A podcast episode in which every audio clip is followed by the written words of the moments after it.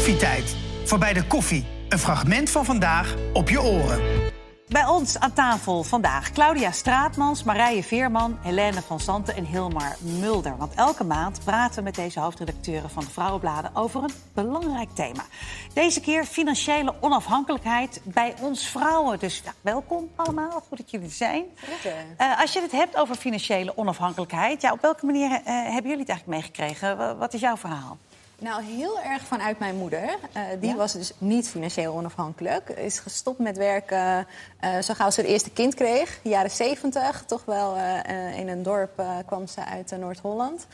Um, en dus het was gewoon heel normaal. Eigenlijk, er werd niet over gesproken. Je stopte gewoon met werken. Ja. En dat heeft zij uh, nou ja, toch wel als erg ervaren. Uh, want ze merkte toch dat je daardoor uh, nou ja, gewoon niet meer eh, iets te vertellen had ja. thuis. In de zin van, het is toch altijd wie bepaalt.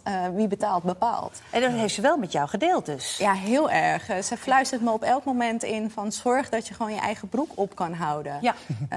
omdat ze gewoon merkte dat... ja, je ging over, over de, ze ging over de meeste dingen zeuren als... Uh, dan zat ze de hele dag thuis. En als mijn vader dan nog ging voetballen of ging tennissen... en dan dacht ze, oh hel, dan ben ik weer alleen. En dan ja. ben ik weer uh, kan thuis. je nagaan, hè? Ja. Wat een verhaal. Ja, mijn oma stamt uit 1899.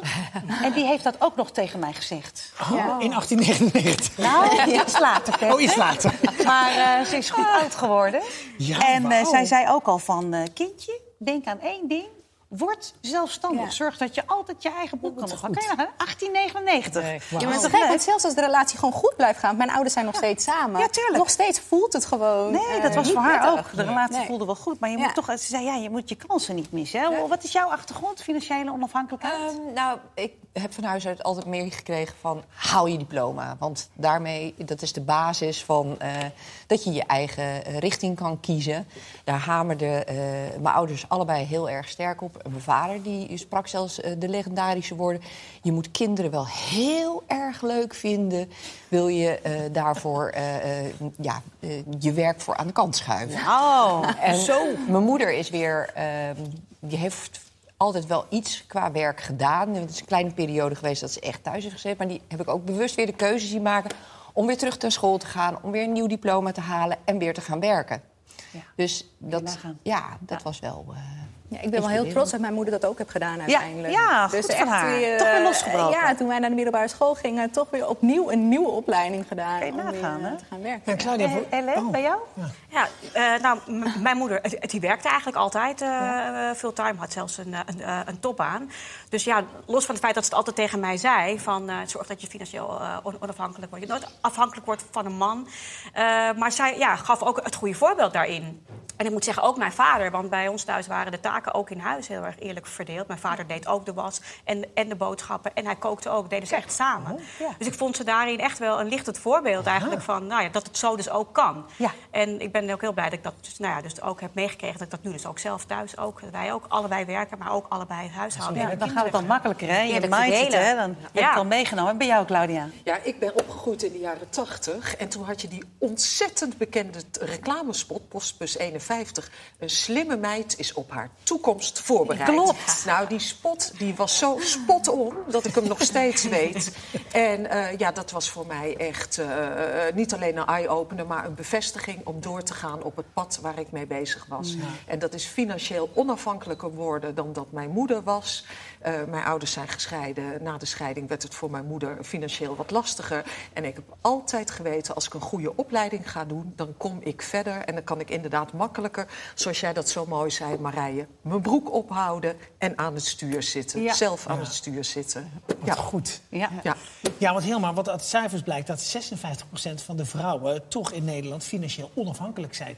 Wanneer ben je eigenlijk financieel onafhankelijk? Ja, je hebt verschillende de, uh, termen ervoor. Je hebt economisch uh, zelfstandig. Ja. Dat is al als je op bijstandsniveau uh, geld verdient. Dus dan ben je al met 1080 per maand okay. netto. En economisch onafhankelijk of financieel onafhankelijk, dat, dat baseren ze dan op minimumloon. En dat is ongeveer 1935. Hm. Um, maar je ziet dat een hele grote groep vrouwen, zeker als er jonge kinderen zijn, ja, dat dus niet meer zijn. Die, dat, die zelfs die basis niet meer hebben.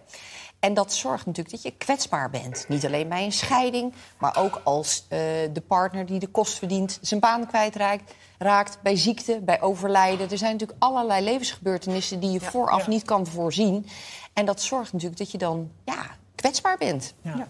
Ja, want wat jullie schrijven ook voor, voor een grote groep vrouwen. Hè? Ja. Hoe, hoe, komt het tot dat vrouwen dan vaak dan financieel afhankelijk zijn van een partner? Nou, er wordt heel vaak uh, heel veel gezegd over de deeltijd uh, prinsesjes. Hè, als het gaat om, bij, bij vrouwen om uh, betaald werk. Maar ik zou ook willen zeggen, er zijn ook heel veel mannen zijn deeltijd prinsjes. Ja, als het zeggen, gaat ja. om onbetaald werk. Want mm. vaak de zorg voor de kinderen, mantelzorg, de zorg voor het huishouden... komt nog heel vaak bij vrouwen, op, op de schouders van vrouwen. Ja. En ja, er zitten maar zoveel uren in een dag. Dus die, die gaan dan vaak minder werken, betaald werk, om al het onbetaalde werk te kunnen doen. En dat komt natuurlijk ook natuurlijk heel erg voor, voor, voort uit uh, uh, ja, onze geschiedenis. Want tot uh, 1956 was het nog zo, als je als vrouw ging trouwen, dan, dan kreeg je ontslag. Want dan was je als vrouw handelingsonbekwaam. Tot 1956 waren vrouwen in Nederland handelingsonbekwaam. En uh, dus ja, ik zou ook echt, als je dat bedenkt, dat is nog, ja, toen, toen mijn moeder werd geboren, was het dus nog een wet. Ja, en dat is niet zo heel lang geleden. Dat is niet zo heel lang geleden. Nee, nee. Dus, ik, ik, denk zelfs dat voor kijkers van koffietijd die geboren zijn in de jaren 30, dat dit gewoon nog normaal was. Dat ze niet zelfstandig een bankrekening mochten ja, afsluiten, ja. uh, geld konden opnemen. Zij moesten echt wachten op een, een zakcentje van hun man om de bakker, de slager te kunnen betalen. Maar zit het, wat, wat, wat ik een beetje dan zo onder de regels doorlees, is, komt dat toch door die oude systemen die dat, dat, dat toch nog een beetje zo doorcijpelt? Ja, het is in ieder geval de cultuur gecreëerd, ja, hè, waarin in, in, Nederland de, de norm en waar uh, vrouwen ook het gevoel van hebben dat ze daaraan moeten voldoen, uh, blijft bestaan. En wij zagen in een onderzoek onder onze libellenlezers uh, dat, de, de, heel grappig vond ik dat, dat hoe ouder ze waren. Uh, hoe belangrijker ze het vonden dat je economisch zelfstandig was. Omdat die blijkbaar terugkijken op hun leven en denken... ja, weet je, ik had misschien andere keuzes gemaakt... Ja. als ik gewoon zelf in staat was geweest om vanuit met geld... Uh, ja. weet je, een buffertje, iets... Uh, maar wat kunnen de gevolgen zijn dan, Claudia? Van nou ja, ik, ik ben een vijftiger. Ik zie vooral heel erg in mijn omgeving... dat het dus kan gebeuren als je als vrouw afhankelijk bent van je man. En deze man hoe goed je ook denkt hem te kennen, blijkt opeens toch uh, uh, een andere vrouw leuker te vinden, dat je dan soms met lege handen achterblijft. Dus dat is ook altijd mijn advies aan iedereen: uh, van zorg dat je het heel erg goed regelt met elkaar. Ja. Ook al doe je met elkaar de BV-gezin en denk je: mijn man is de kostwinner en ik wil wat minder werken, zet alles heel goed op papier, ja. want niemand is onkwetsbaar. Niemand is onkwetsbaar. Het kan zomaar gebeuren dat het over is. En dan sta je als vrouw meestal met lege handen. Ja. En je kan het best je, je afspraken maken als het goed gaat. Ja, ja. dan dat. Het best ja. Repareren het dak als de zon schijnt. Repareren het dak als de zon schijnt. Ja, precies. Dan kan je allemaal redelijk gewoon uh, goede dingen bedenken en bepalen. Jouw lezeressen zijn wat, wat jonger. Wat, wat, wat zie jij? Uh, nou, heel erg dat zo gauw de kinderen komen, uh, de vrouw degene is uh, die toch besluit minder te gaan werken. En zelfs bij één op de vier gezinnen is de vrouw hoger opgeleid en eigenlijk verdient meer dan de man. Maar dan nog zie je daar geen verschuiving in. Hm. Dan nog is zij toch degene die minder gaat verdienen. Hm. En besef wel, als je dat eenmaal gaat doen, dan verdien je dus minder. En vervolgens, als er dan huis, huistaken verdeeld moeten worden is het toch vaak de man, ik zie het ook bij, bij vrienden, die dan zegt: Ja, maar hallo, uh, ik ben nu kostwinnaar. Ja, ja. Uh, hè, als er verdeeld moet worden, ja, dan doe jij het. Want ik moet gewoon, ik wil meer tijd voor werk. Ja, precies. Uh, dus dat blijft dan een soort glijdende schaal. Maar dat is eigenlijk een beetje een herhaling van zetten, zoals jouw vader het deed met je ja. moeder. Je zou denken dat dat binnen één generatie wel wat Ja, maar het is lastig, is. Hè, want dat is ook gewoon die sociale norm. Ik bedoel, ik, ik werkte fulltime, maar er stond bij mij een crashleidster op me te wachten... die dan zei, als ik dan vijf minuten te laat was door file en stress... en nou, dan voel je je al schuldig, want je mm. ziet alweer dat jouw kind de laatste is... die wordt opgehaald. Mm. En er is ook nog een crashleidster die dan zegt van... Uh, ja, zou jij niet uh, wat minder drukke baan nemen? Dit is wel, dit is wel interessant, hè? Zeker, ja. Het, ja. Maar dit is toch helemaal geen vrouwensolidariteit? Nee, maar, nee, maar die, die is wel... Maar die is er ook ja, Ik wou net zeggen, is die er überhaupt? Nou ja, het is natuurlijk, hè, wat, wat jullie ook zeggen... Het is, het is in een soort tijdsbeeld ontstaan. En dan krijg je ook een soort heen en weer geflipflap... dat er toch altijd een soort oordeel komt over vrouwen. Ja. en, en, eigenlijk is, zijn de mannen natuurlijk de helft daarvan ook betrokken. En die, die, zou je mee moeten nemen in dat gesprek. En dat het niet alleen maar bij die mannen blijft liggen. Nee, ik weet absoluut zeker dat ze dat nog nooit tegen een man heeft gezegd. Nee, natuurlijk. ja, nee, ja. Hey, en als je denkt dan ook bijvoorbeeld alleen al over het onderwerp geld, hè, aan zich. Het, het onderwerp geld is heel mhm. lastig te bespreken. Het is nog steeds rust een enorm taboe op, dus breek dat maar eens open. Jullie zijn van plan om dat dus ook echt open te breken, hè? helemaal. Nou, maar, hoe hebben, doe je dat? We hebben een hele populaire uh, rubriek, de portemonnee. Waarbij uh, vrouwen uh, in, de, ja, in, de, in, onze doelgroep vertellen hoe zij hun geld uitgeven en hoe het binnenkomt.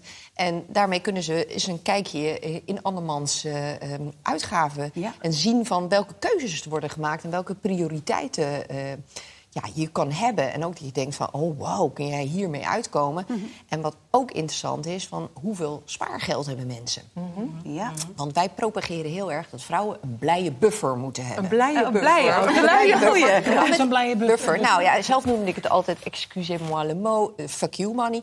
Dat je gewoon iets op de bank hebt staan waardoor je kan zeggen, toedeledokie. Er is een uh, way out. Ik heb een eigen reservoir, uh, waardoor ik die financiële veerkracht heb... om eigen keuzes te maken op het moment dat ik een baan niet leuk vind, als ik een opleiding wil volgen, als ik mijn relatie uh, naar de galamiezen is.